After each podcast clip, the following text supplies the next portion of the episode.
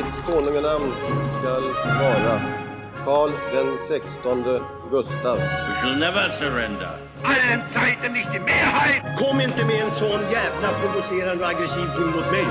Där har våldet triumferat. Ask not what your country can do for you. Ask what you can do for your country. Ska vi verkligen öppna en till flaska? ja, vad fan har du att välja mellan? Skål, ta mig fan! I have a dream. Ah, I see you look at your leader. And I too look to you, Paul Bauma. It's one small step for man, one giant leap for mankind. Varmt välkomna till Salongsberusad historia. Er... Eh, Berusade vän i etern. det var länge sedan. Ja tack. Jag hade glömt bort den totalt. Ja, det är avsnitt 58. Vi ska fortsätta. Eh, historiska mord. Och historiska mordmysterier. Ja, mysterier. Ja, kanske inte var så mycket mysterier förra där. Det kändes ganska straightforward. Det var, Ja. Han hade ganska enkel motiv. Han bara ta koll på alla. Mer Scream än Mysterium om man säger så. Ja, det måste vi nog fastställa. Ja, men jag är jävligt spänd nu här. Vi, jag, jag har lite vin kvar i flaskan men du har faktiskt varit ute och plockat fram någonting roligt ur vinkylen ser jag. Det har jag gjort. Och det är ju helt baserat på vad jag ska prata om. Eh, ska vi börja med ämnet eller ska vi börja med flas vinflaskan? Vad tycker du är, är mest? Ta vinflaskan. Det är, alltid, det är alltid mer intressant att veta vad det är för vin vi dricker. Ja. Ehm, flaskan jag har framför mig är... Poirot. Champagne. Så det finns alltså ett eh, champagnehus som heter Poirot Fils. Alltså Poirot och son. Det här är en, eh, ett vin som inte är jättelätt att få tag på. Jag fick faktiskt kontakta vinproducenten själv. Systembolaget försökte men misslyckades. Ja, men exakt. Jag, jag gjorde ett försök därifrån men de, de sa att det var omöjligt att få tag på den här herren. eller vem det nu är nu som, som är vid den här gården. Men det gick. Jag fick skriva på franska. Jag vet inte om de kan engelska men skitsamma. Oj, men nu slängde jag korken. här. Ska vi se. Nej, det var inget roligt. Titta, det var en tråkig kapsyl. Man köper ju alltid sex flaskor så att det här är den sista jag har nu. Är det sant? Yes. Och en del av dem har en jättetrevliga porträtt av eh, Poirot. Ja. Dels så finns det ju bilder på eh, David Suchet.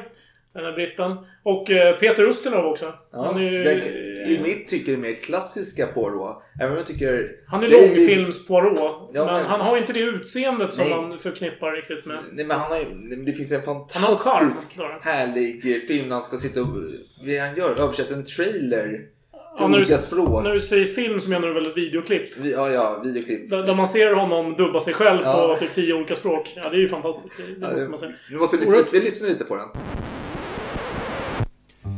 Il y a ceux qui ont bien voulu m'appeler le plus grand détective de ce vaste univers, étiquette que pour ma part je trouve... Eh, eh, le presentazioni non sono necessarie. Poirot, Hercule Poirot. Las presentaciones no son necesarias. Eh, Poirot, Hercule Poirot. Oh, Polo, Hercule Polo. Nej, men oerhört begåvad, ja. absolut. Poirot är en klassiker, men mm. vad har det med ditt mysterium att göra? Men jag tycker det här mysteriet har vissa kvaliteter som Men är- Poirot skulle uppskatta. Vad är det för mysterium? Alltså, mysterium kan man lätt... Antingen något väldigt Indiana Jones-aktigt mysterium, eller så är det kanske något Arkiv X-aktigt mysterium, eller... Nej, på- jag, jag tänker mer, mer eh, klassiskt mordmysterie just... Miss Marple, Miss Marple, exakt. Du, Poirot. Ja, det är liksom ute på landsbygden, vilket talar mer för Miss Marple då, än Poirot. Och att... Jo, men det är ofta... Men- vadå? Poirot är väl alltid på landsbygden, han åker ju alltid ut till olika ställen. Känner lite mer som en världsmedborgare. Jag tänker att han är ju liksom i staden, men det är sant att mordoffren kanske är borta i landsbygden. Men jag, jag, jag bara associerar väldigt mycket Miss Marple med att det alltid är ute på landsbygden. Det är cyklande Ja. eh, personer och offer och allt vad det kan vara. Eh, Men vi, vi ska inte fördjupa oss där, för jag har inte riktigt så bra svar på, Nej på det. men cyklande är ändå en, ett nyckelord i detta ämne. Det kan man säga. Eh, Ja. Det här mysteriet som jag kommer att prata om har eh, blivit känt som i folkmun Green Bicycle Case. Och det finns en bok som heter Green Bicycle Mystery. Det finns andra böcker också. Det har skrivits om det. Så det är någorlunda omtalat men kanske inte jättekänt för en bred publik.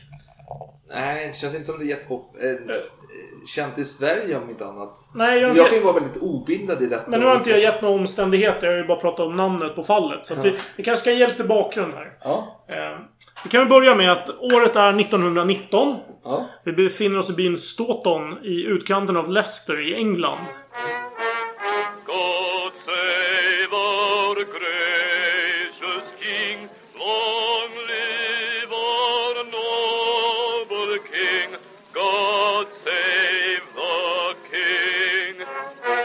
Och eh, vi har en kvinna som heter Bella Wright. Hon är 21 år och bor med sina föräldrar som är bönder. Eh, En del elaka tungor, eller kanske snälla för den delen, säger att de var analfabeter. Men Ja. vad vet jag? Bella, vem är hon? Jo, hon är lite av en ensamvarg. Hon har inte så många vänner. Men eh, hon lever ett bra liv. Hon jobbar i en gummidäcksfabrik i St. Mary's Mills i Leicester.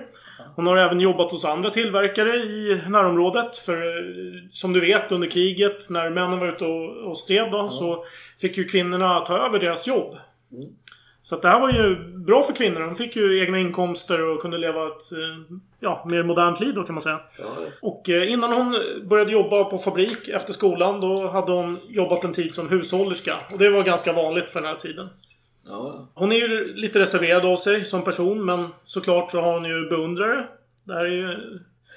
Det är ju ute på landet va och en kvinna som inte ser allt för dålig ut det väcker uppståndelse. Ja. Många beundrar bland annat en sjömatros stationerad i Portsmouth som hon brevväxlar med. Men det är inte så att hon är exklusiv med denna herre. Utan Nej. eh, hon har berättat för sin mor eh, tidigare under året, 1919 då. Att på en cykeltur vid eh, Brownstone Lane som är syd- sydvästra delen av Leicester. Hade hon fått eh, en officer att bli förälskad i henne. Ja. Det här är en stor grej för en, eh, en eh, lantflicka av enkel bakgrund att, att få kontakt med en officer. Och få en officer att bli förälskad i henne. Oj, oj, oj. Officer och en gentleman. Det är Ja. stora grejer. Eh, Men åter till berättelsen. Nu är vi alltså den 5 juli 1919. Och klockan är fyra på eftermiddagen. Bella, hon har jobbat nattskift eh, på den här gummifabriken. Hon har gått och lagt sig och nu... Ja, vaknat helt enkelt. Nu fyra på eftermiddagen. Och nu har hon en plan. Hon ska cykla iväg till postkontoret först och främst. Till Evington som är två kilometer bort. Och där ska hon posta lite brev då till den här matrosen som jag tidigare nämnde. Ja. Som väntar på att bli demobiliserad då från kriget. Eh, och när hon är klar med detta då cyklar hon vidare förbi hemmet österut mot eh, Gålby. För att hälsa på sin morbror. Eh, och numera ligger en eh, flygplats mitt i vägen här. Leicester flygplats. Så det är lite vanskligt i efterhand att försöka titta på alla de här sträckorna och bedöma hur, hur rutten ser ut och sådär. Eh, Man vill utreda själv, det vill säga. ja, nej men exakt. Som privatspanare. Ja men precis. Man, man vill ju gärna göra det. Man vill ju kontrollera lite uppgifter och så. Ehm, men säg att det kanske var en mil bort. Och eh, som ni märker här så är cykla det är något av hennes hobby. Hon, hon älskar att cykla och det finns många som har bevittnat att hon, man brukar se henne ensam där. Hon brukar vara väldigt lycklig när hon får cykla runt på landet. Lättroad. Eh, och nu hade klockan hunnit bli sju på kvällen när hon dyker upp då hos sin morbror.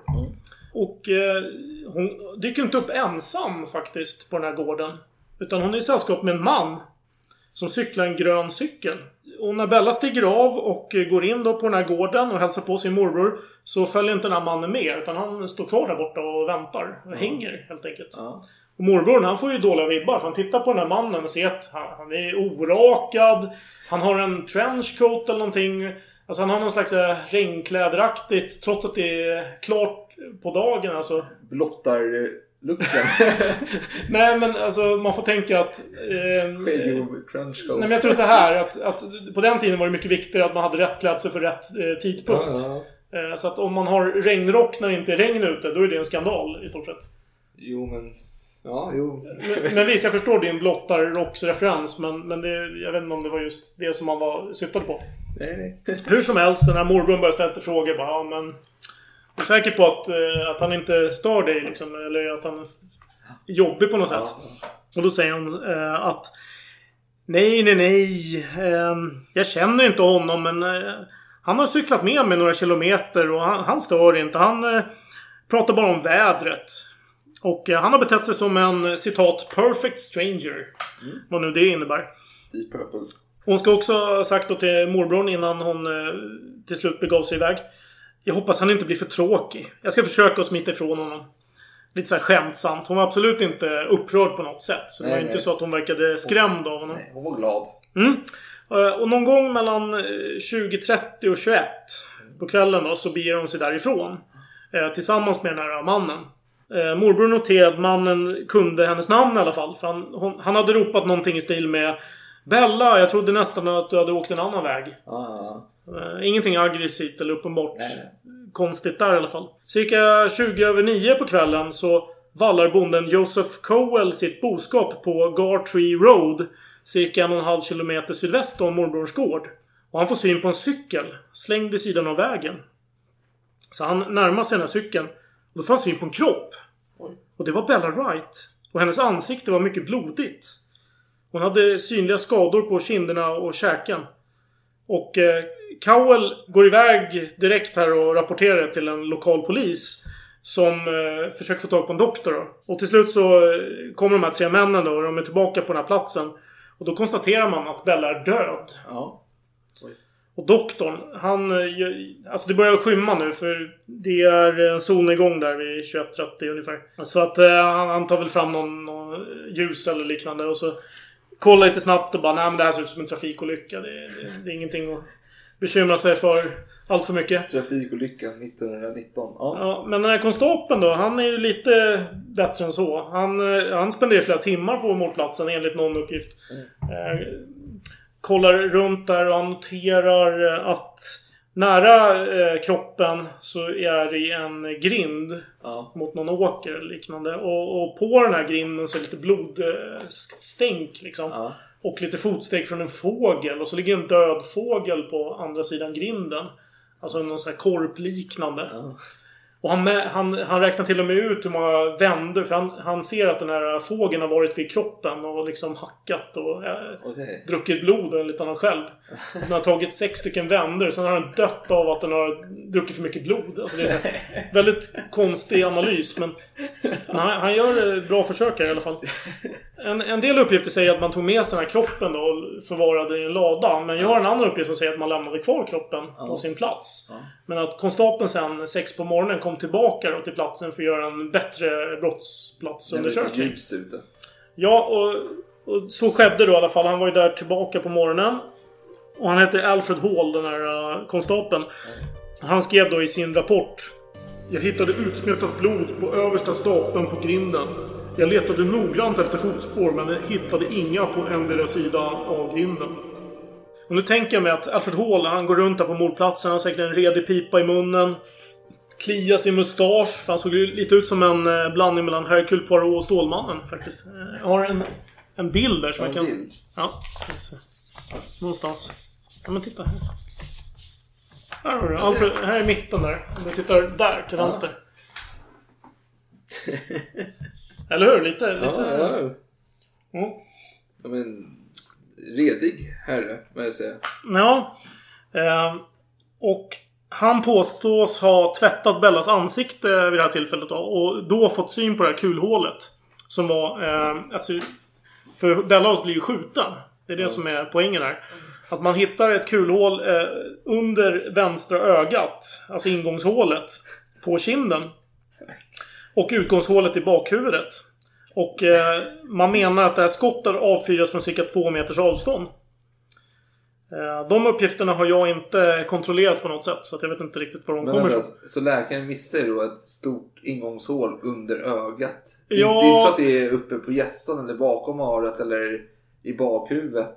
Nej, det, var, det var blod överallt i ansiktet. Så, så, men, så att, de torkar inte eller försöker göra någonting med... Nej, nej. Läkaren går dit, tittar lite. Exakt. så här, Nej, fan det tar jag kväll. Och Ja. så ja, men lite så går hem och dricker en sherry och... Ja, det är så radio, jag tolkar det. okej. För Ja. att eh, han bedömde att det var en trafik... Man får tänka att på den här tiden så fanns det inte så mycket bilar. Det var ju Nej. väldigt ont om det. Så att det, det som den här doktorn då... Hans teori går ju ut på att, att hon eh, mer eller mindre blev prejad av vägen och typ ramlade och slog sig. Alltså ramlade med huvudet före någonting och dog på det sättet. Eh, Men, men en annan intressant eh, sak, uppgift hittades nu då på eh, brottsplatsen. Och det var en pistolkula av typen 455. Eh, Och den hittades eh, cirka 5 meter från kroppen på vägen. Och jag har en bild där av Ja, det. Så här är från polisens anteckningar. Ja. Och då ser du att du har vägen och så ser du att 5 meter bort så ligger kulan här borta. Ja. Och då har cykeln och kroppen, de är liksom ganska nära vägkanten helt enkelt. Eh, Vi lägger upp det här på Instagram, de här bilderna. Så ni kan se dem där. Salongsbrusad historia på Instagram. Så får ni se de här bilderna Mm. som Alex åsyftar. Just det. Och den här kulan hade trampats ner av en hästhov. För det är ju liksom en trafikerad väg här. Det är Ja. ju hästar som går hela tiden. Ja. Eh, Men man gjorde bedömningen att eh, Bella inte hade råkat ut för några övergrepp eller blivit eh, offer för några rån. Så det var liksom inget uppenbart motiv vid den här Nej, tiden. nej, nej. Och eh, några dagar senare, 11 juli, begravdes Bella. Med enligt en uppgift 6000 besökare på begravningen. För det här börjar uppmärksammas. Eh, man har liksom börjat efterlysa nu den här gärningsmannen. Ja. Med hjälp av morbrorns eh, signalement. Eh, och signalementet säger att det var en orakad man runt 35 till 40 år med ett brett ansikte. Cirka 170 till 175 cm lång. Han ska ha burit en grå kostym, slips, en grå mössa och svarta stövlar. Och framförallt hade han en grön cykel. Framförallt. Ja. Ja, det, det är mina ord. Ja. Eh, för det, det är ändå det här med gröna cykeln som många tar fasta vid. Liksom det, det. det andra är väl mer klassiskt. Alla går runt med samma kläder typ. Jo, men han vill blotta rocken. Jo, det är det som är min fundering. För att morbror hade uttalat sig om det här med olämplighet. Att han hade en regnrock på sig eller vad det nu var. Det tycker inte jag stämmer med en grå kostym. Så jag, jag förstår inte riktigt det här. Nej. Jag, jag kan inte kontrollera uppgiften heller. kanske har ändrat sig. Efter en natts sömn. Ja, jag vill inte uttala mig om det. Men jag håller med. Det är konstigt. Ja. Tyvärr då, den här efterlysningen är helt resultatlös. Så det ser ut som att den här mördaren ska komma undan. Eh, Det hinner gå faktiskt flera månader. Och det är först sju månader senare, en februarimorgon, så får utredningen ett genombrott. Och eh, det är en man eh, i floden eh, River Soar i centrala Leicester som leder en hästdragen koltransporterande båt. Som ni alla vet. Det händer ofta liksom. Eh, han höll på eh, gå längs kanten och flodkanten och släpa på den där. Och då eh, fastnar den här boxerlinan i någonting. Ja, ja. Och eh, då fiskar man upp där och det är liksom delar av en grön cykel som man får upp. Då får tänka på att just det gröna cykeln är uppmärksammat här. Mm. Så det är inte så att Annars kanske man inte skulle reagera på att det är en grön cykel. Men nu kopplar ju folk en grön cykel med det här brottet. Absolut, det gör man. Och man noterar att eh, gärningsmannen, eller den som nu ägde den här gröna cykeln, har gjort sitt bästa för att göra den oigenkännlig. Man hade filat bort eh, tillverkarens märke på eh, cykeln. Och även serienummer. Ja. Det är ju anmärkningsvärt. Det är ju väldigt suspekt. det är det ingenting man brukar göra. Men vad gärningsmannen hade missat är att serienumret finns på flera ställen. Och var på insidan av någon cykeldel så lyckades man rekonstruera eh, numret. Ja. Och kunde spåra det till en person. Ja. Och det var Ronald Light. Eh, och han konfronteras med de här uppgifterna. Eh, och först förnekar han helt och hållet att han har en grön cykel. Tills man bevisar, motbevisar honom. Eh, och två veckor senare hittar man även ett av hans eh, hölster. Alltså Ja, pistolhölster. hölster. I eh, samma flod då. För man håller på och gräver runt där och försöker hitta ännu mer Precis. grejer. Med 12 stycken kulor som matchar den som hittades bredvid Bella. Och Stark bevisning ändå, och, och Light, eh, han ska då ha fräst till och sagt Helvete och förbanna denna kanal! Ja. Det är ålderdomligt Ja, ja. eh, sagt. Vem är då denne Ronald Light? Kanske ni undrar. ja gärna. Berätta. Du gärningsman? Ja, eh, jag ska berätta. Han var 34 år gammal vid denna tidpunkt. Han hade spenderat tre år i armén under kriget som officer. Innan han förklarades partiellt döv eh, av alla de här explosionerna som skedde då i kriget. Men du har bilder på honom ser jag. Ska bara titta. Eh, ja, jag, men jag kommer till det. Vi, jag tänkte dra lite roliga ja. saker. Han skickades hem till England för psykiatrisk vård. Och eh, fick bo sin mor då, i Leicester. Sen något halvår tillbaka. Och eh, vid tidpunkten när han arresterades, eh, då hade han eh, fått jobb som matematiklärare. Det var alltså i mars 1920. Det kanske är dags att ta det där faktiskt. Jag, jag tycker att han ser väldigt lik ut eh, Mr Rogers. Och Mr Rogers är en sån här amerikansk barnprogramledare. Han, eh, han ledde ett program som hette Mr Rogers Neighborhood under 30 år någonting. Ja. Eh, väldigt känd. Och det är lite ironiskt för han ska ju vara den, liksom, den snällaste personen på, i världen. Liksom. Men han är ju också lite kufisk. Ja, vi lägger upp bilderna på in, vår Ska vi verkligen göra det? Ja, det ska vi. All right. Men annars är inget, inget värde i detta. Nej, okej. Vi får fundera på det. Men i alla fall, hur reagerar media på detta? Man har alltså en namngiven gärningsman här. Ja. Man har det här bestialiska mordet på den här oskyldiga kvinnan. Misstänkt gärningsman. Jo, jo. Man har en misstänkt gärningsman. Det, det är sant. Det är nämligen så att medierna gav en ganska vinklad rapportering. Hör och häpna. Wow.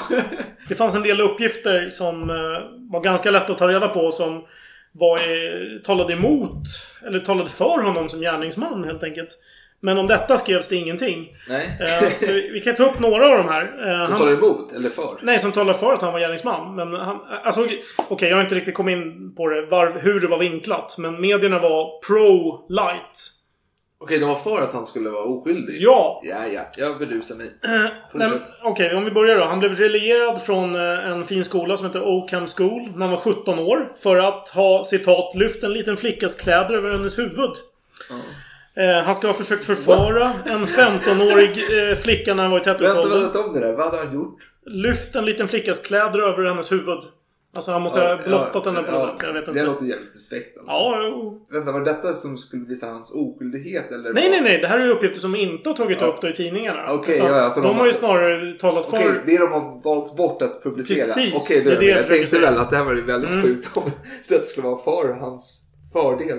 Nej, nej, nej. Absolut inte. Han ska även ha erkänt eh, dessutom. Det kanske kom senare eh, i och för sig. Men att han hade eh, haft något slags olämpligt beteende mot en åttaårig flicka. Nu vet inte jag närmare vad det betyder. Eh, vad det var för olämpligt. Men bah, bara att det var olämpligt är ju ganska Alltså olämpligt. det känns spontant som att Mr Light kan ha haft på sig en lotterock Mm, utan mm. problem. Det är... Ja, det låter som att han skulle passa en sån. Eh, han fick sparken från sitt jobb som någon slags avloppsingenjör 1914. Efter misstanke om mordbrand och att han hade klottrat klandervärd graffiti på toaletten. Men jag tänker det här med...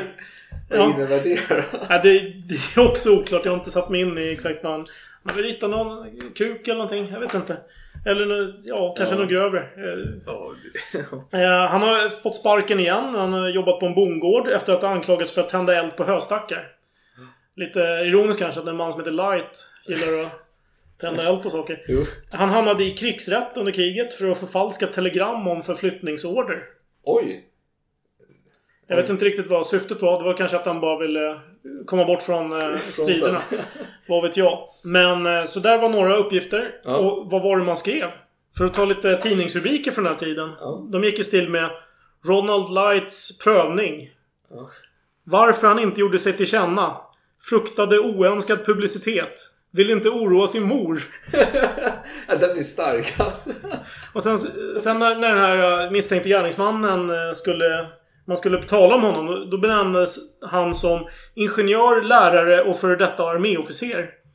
Medan mordoffret Bella kallades för fabriksflickan. Så-. Man tänker sig att klassamhälle här kan ha spelat in. Att han var av relativt fin familj. Ja. Pappan hade varit uppfinnare och de hade haft tjänstefolk när han växte upp. Så att det här satte lite tonen kanske då. För att, eh, men i alla fall, nu skulle man förhöra den här eh, Ronald. Och, eh, vad han säger om saken.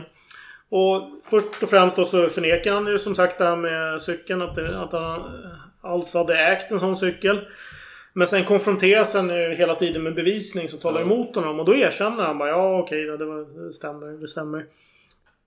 Och eh, han, han säger att det där, det där med cykeln, nej, men jag gjorde mig av med det och där hölls det för att slippa bli misstänkt. Jag, jag läste i tidningarna dagen efter mordet att den där, den där flickan där, det var ju henne jag träffade och då blev jag bara feg och liksom... Men okej, sen han har träffat henne. Ja, det erkänner Det han. erkänner han. Mm. Och då känner han då att Jo, men han kände ju att när, när hon hade dött, alltså när hon hade blivit mördad och, och så. Så det var han, han var personen med den gröna cykeln? Han Så- hade grön cykel, ja. Exakt. Och, och var den personen som cyklade Han var den personen. Ja, precis. Okej, Exakt. Ja, vad säger mer? Ja. Ja, det, det blev ganska tydligt. För man knöt ju honom till det. Ja, ja. Och han berättade att han träffade den här Bella då, runt 1845. Eh, hon hade stannat... Jag ska säga kvart i sju istället. Nej, det spelar ingen roll Alex. Okej. Hon hade stannat vid vägen och inspekterat ett av cykelhjulen.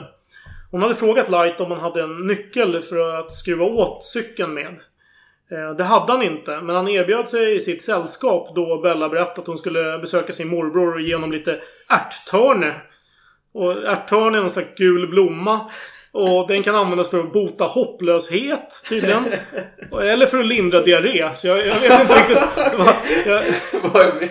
jag, Vad är nej, jag, det vill, jag, vill, rimligt? jag vill förstå det där med varför ärthörne. Vad fan är det för något? Varför ska han... Vem åker till en, en, en äldre man och ska ge honom en blomma? Det, det är såhär nutids-Rödluvan på något sätt. Ja, absolut. Ja, men det är kanske det. det är, han kanske blir jätteglad av den där bl- gula blomman, den där morbrorn. Vad vet jag.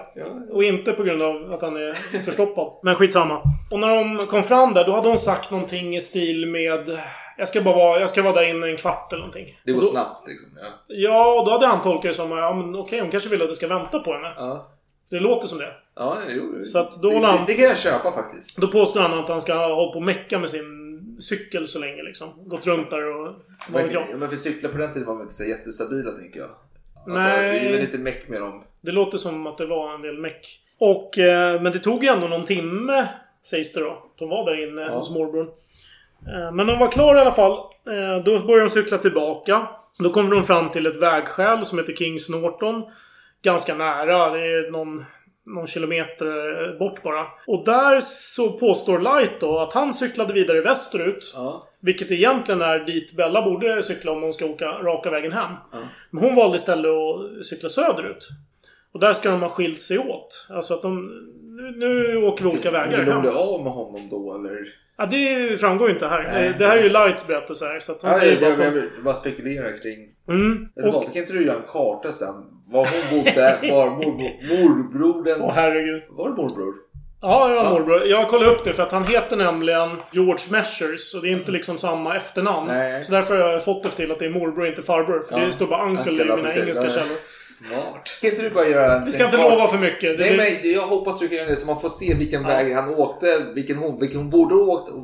Alltså så man får ett förhållande till detta. Ja, För det, ja, det ja. påverkar tänker jag. Absolut. Alltså, men om ens- någon, om någon lyssnar, lyssnar är intresserad av det kan ni skriva så kan jag Nej, lägga upp det. nej, nej, nej. Vi lägger upp det på Instagram. Du får ju uppdrag att fixa detta Alex.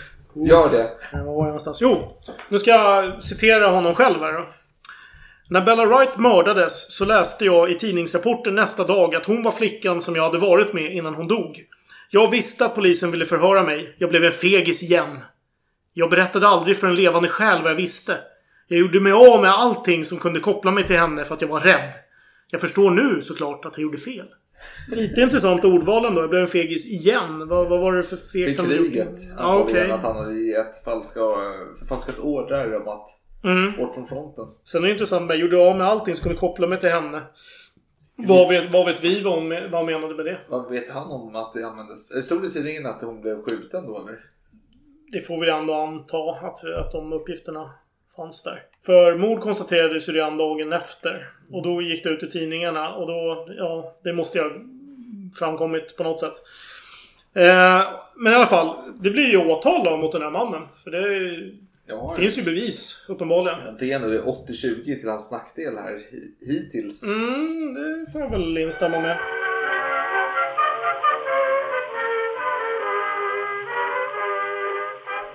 Men rättegången i alla fall, den eh, hölls 8 juni 1920.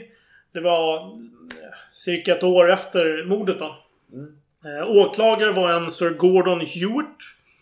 Och försvararen var ingen mindre än Sir Edward Marshall Hall. En berömd advokat från framförallt Camden Town-mordet 1907. Där han lyckades... känt mord. där, där, han lyckades fri, där han lyckades frikänna den anklagade konstnären där från mordet på en prostituerad. Så det var återigen en relativt välbärgad man som dödat en fattig flicka. Ja, det är hans Det är specialitet. hans specialitet. Precis. Och han var känd för att vara en eh, skicklig orator. Han kunde Ja, liksom... Perry Mason. Eh, Ja, ja precis. För Perry Mason var en skicklig advokat också. Han var, han var ju mest en, en uh, bullshitter. Men okej, nej men jag ska inte snacka skit om honom för jag är inte tillräckligt insatt för att kunna göra det. Det känns Men partisk här. call for strike eller vad man säger. Där man, man begär att man stryks från protokollet. Vi ska börja med åklagarens eh, argumentation då för vad som skedde. Ja. Åklagaren presenterar händelseförloppet efter att de båda lämnade morbroderns gård enligt följande. Bella hade efter någon kilometer från gården av okända skäl flytt från Light i panik och cyklat en omväg hem söderut istället för rakt västerut som närmsta vägen. Light ska då ha tagit en alternativ rutt för att ligga i bakhåll för henne och skjutit henne innan han flydde från mordplatsen. Och som stöd för denna eh, tes då eh, har åklagare vittnesmål som har identifierat Light i sällskap med Bella denna kväll.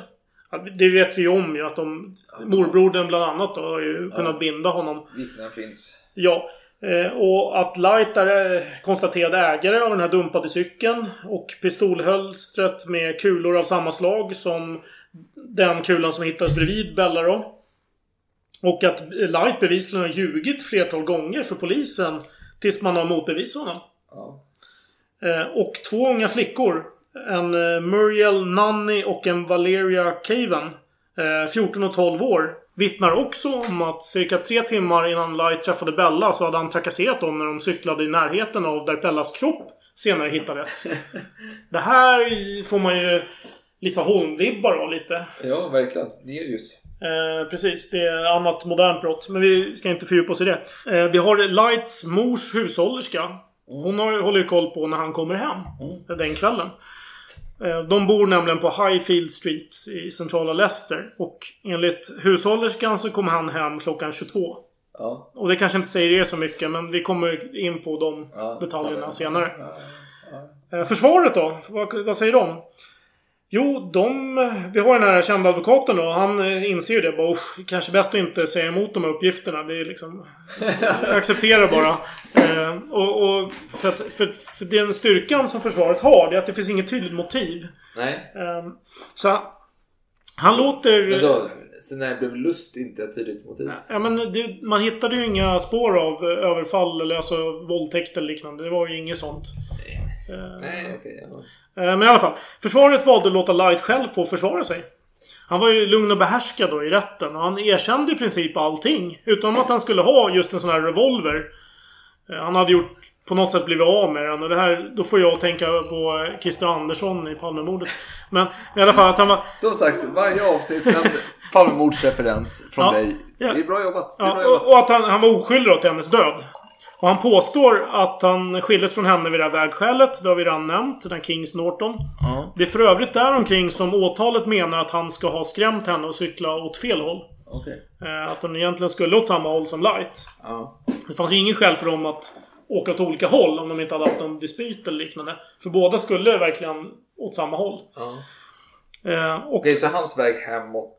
Precis, det var, den passerade hennes hem. Okej. ja. Så det var ännu längre västerut. Och advokaten tryckte på att paret inte kände varandra sedan tidigare. Att det inte fanns något motiv. Han fick också eh, ballistikexperten i rättegången att medge att skottet kan ha kommit från ett gevär. På grund av någon slitage man har hittat på kulan som hittades. Va? Men de här, de här räfflan där, kan inte det vara från ett gevär? Och då säger den här experten bara...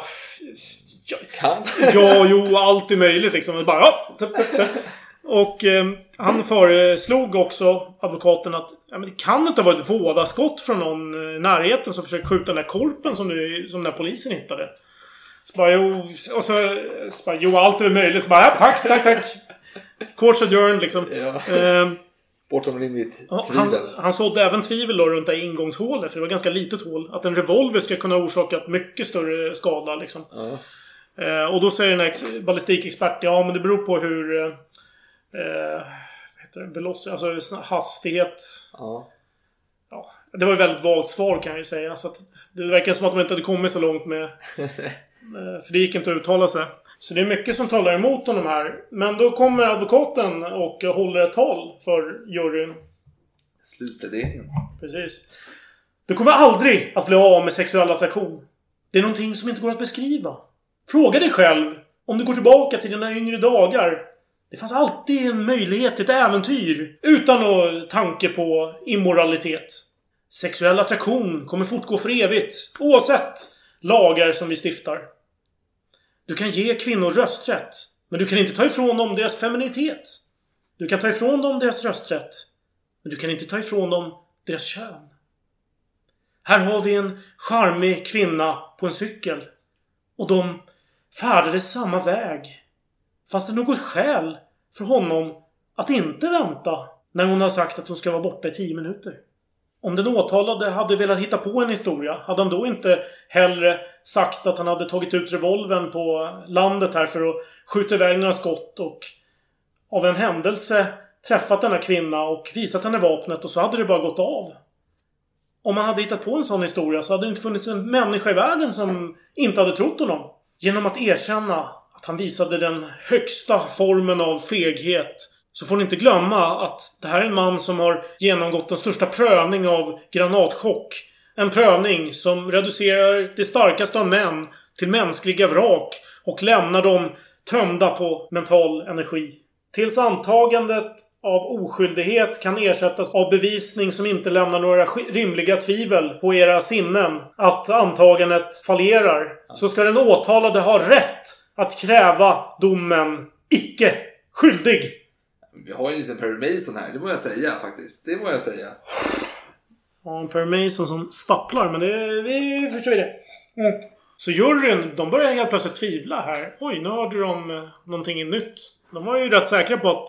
Eller var de det? Ah, Det vet vi inte. det vet vi inte. Men, Tidningarna gjorde sitt. men juryn gick iväg och det tog tre timmar ändå innan de kom tillbaka. Ja. Och så kom domen. Light är frikänd! Folk jublar De skriker Well done Light! Good old Light! Britannia, Britannia ruled away. Britons never, never, never will be slaves. Rule Britannia, Britannia rule away. Britons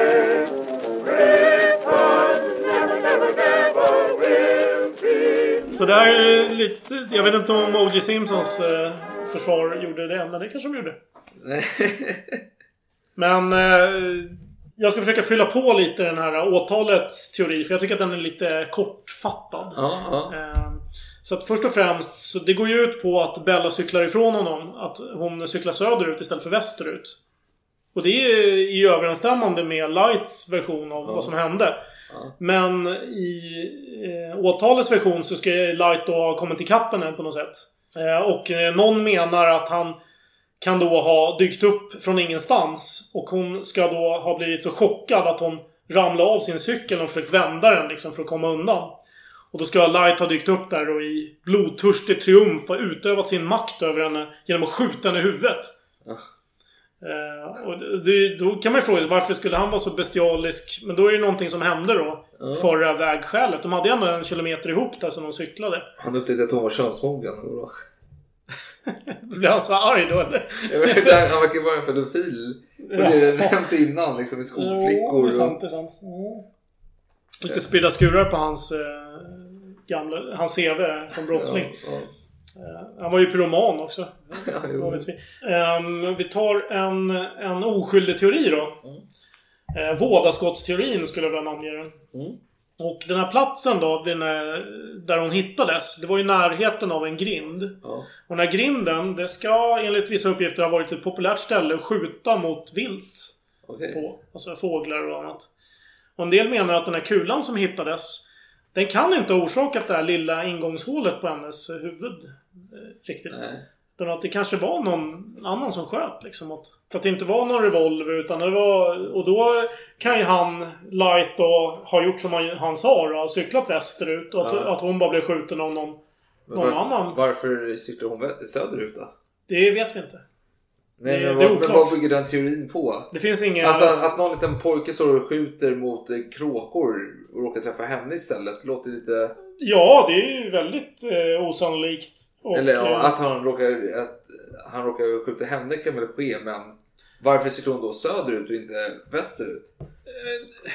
Hon gillade ju att cykla så det är inte helt omöjligt att hon valde att ta den rutten. Men vad jag förstått så var det en sämre väg. Det talar ju emot att hon skulle ha cyklat den frivilligt. För hon hade problem med sin cykel och i alla fall enligt Light att, att han skulle ha hjälpt henne. Så det är, det är mycket som talar för att hon hade något käbbel där med honom. Tänker jag. Så jag, jag vill också skjuta ner den teorin.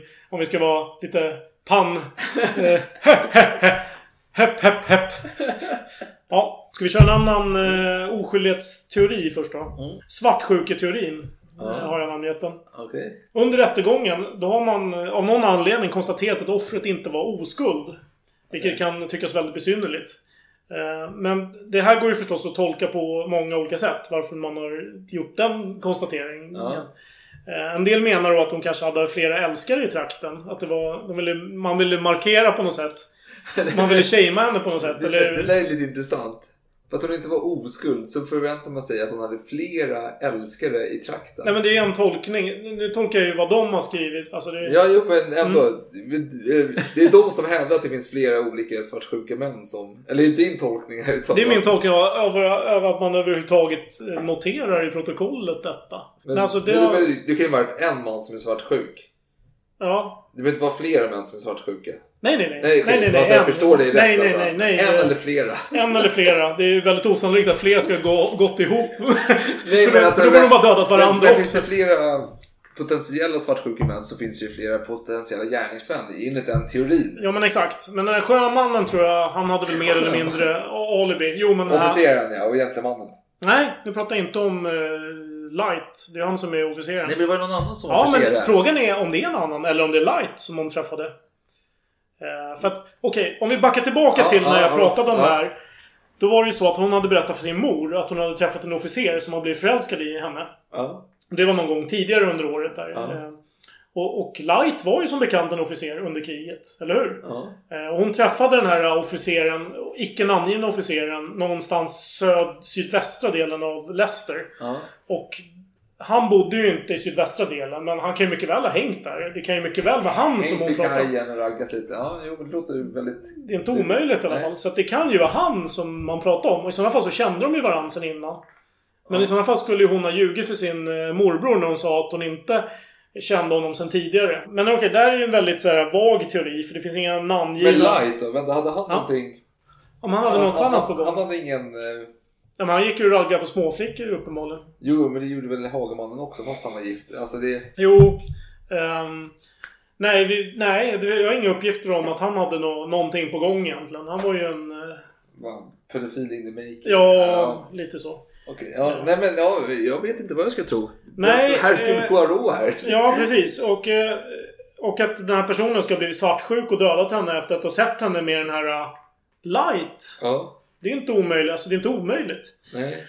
Så det är det svartsjuketeorin går ut på. Men det i sig är konstigt att hon tog den där rutten. Det är ingenting som... Det finns ingenting logiskt med att hon ska ta den rutten om inte han hängde på. Alltså Light följde med. nej.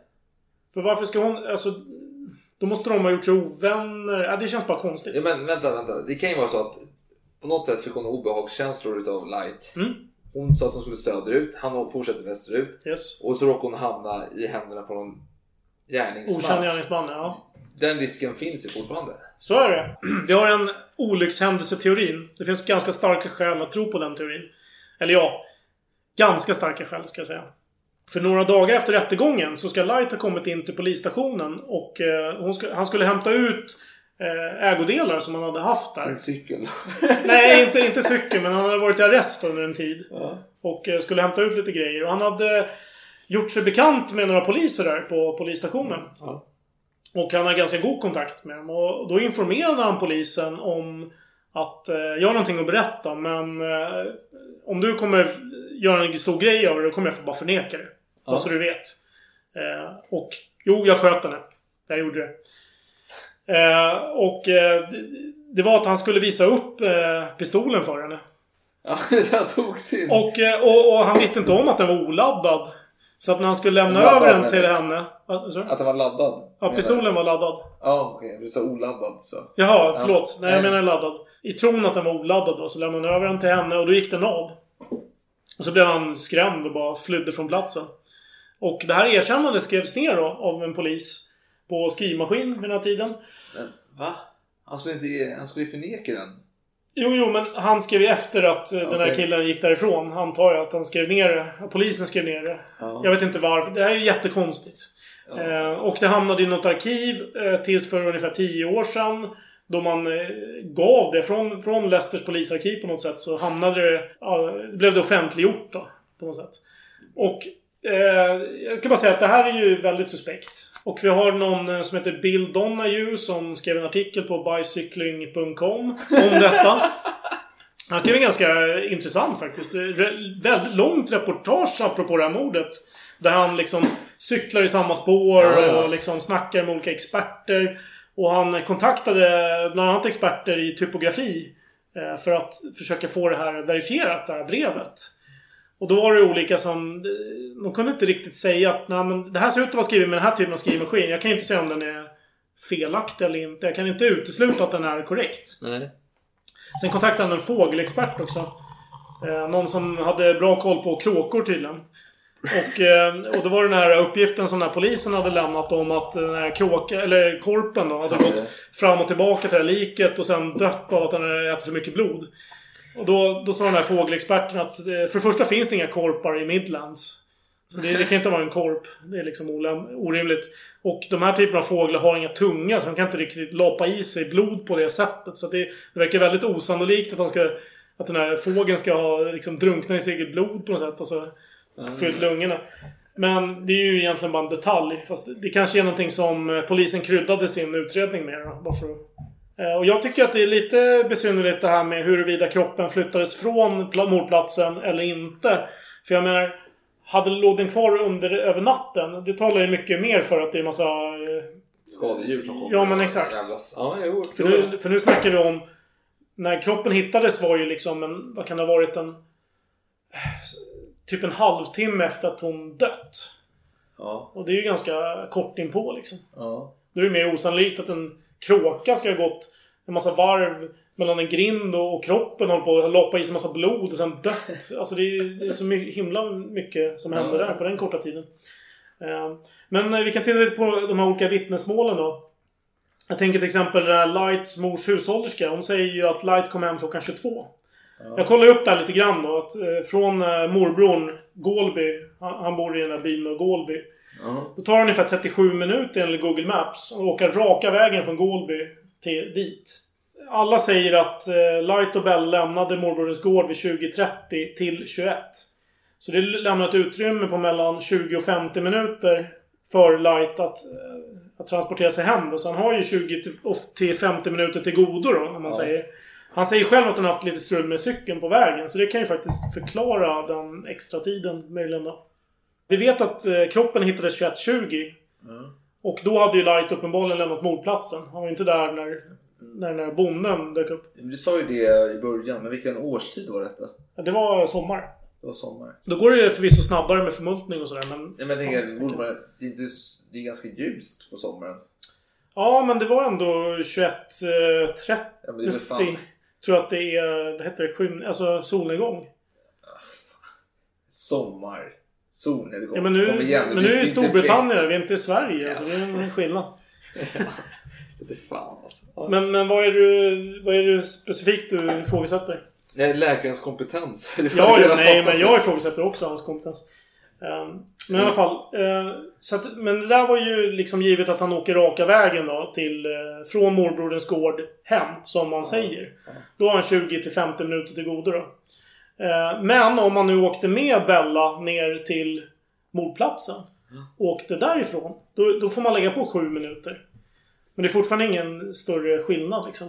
Om vi nu säger att han följde med Bella till mordplatsen. Då hade han mellan 13 och 43 minuter på sig att mörda Bella på den här platsen. Och sen eh, åka hemåt. Och det baserar på det här med osäkerheten kring när han lämnade morbroderns gård.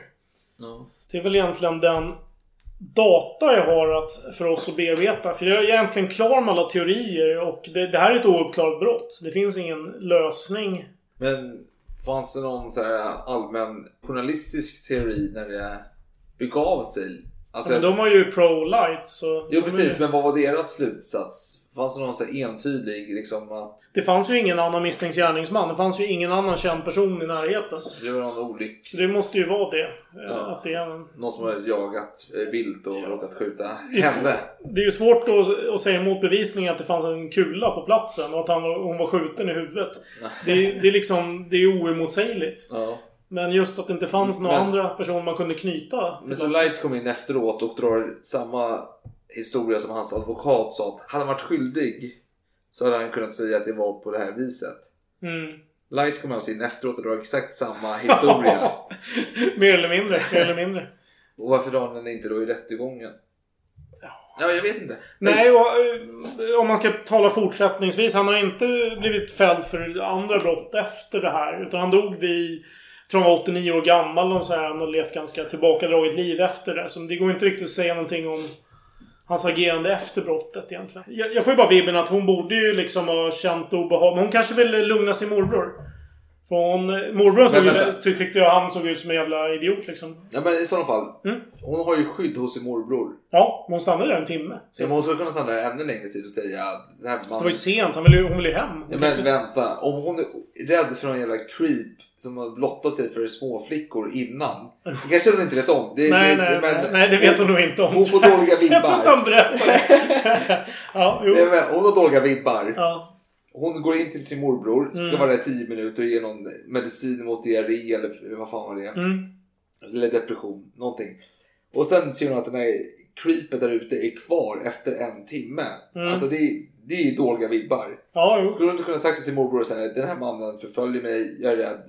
Jo, jo. Jag Men... stannar här tills vidare. Ja, jo. Men jag tror snarare hon kanske Nej, var naiv. Hon kanske var naiv.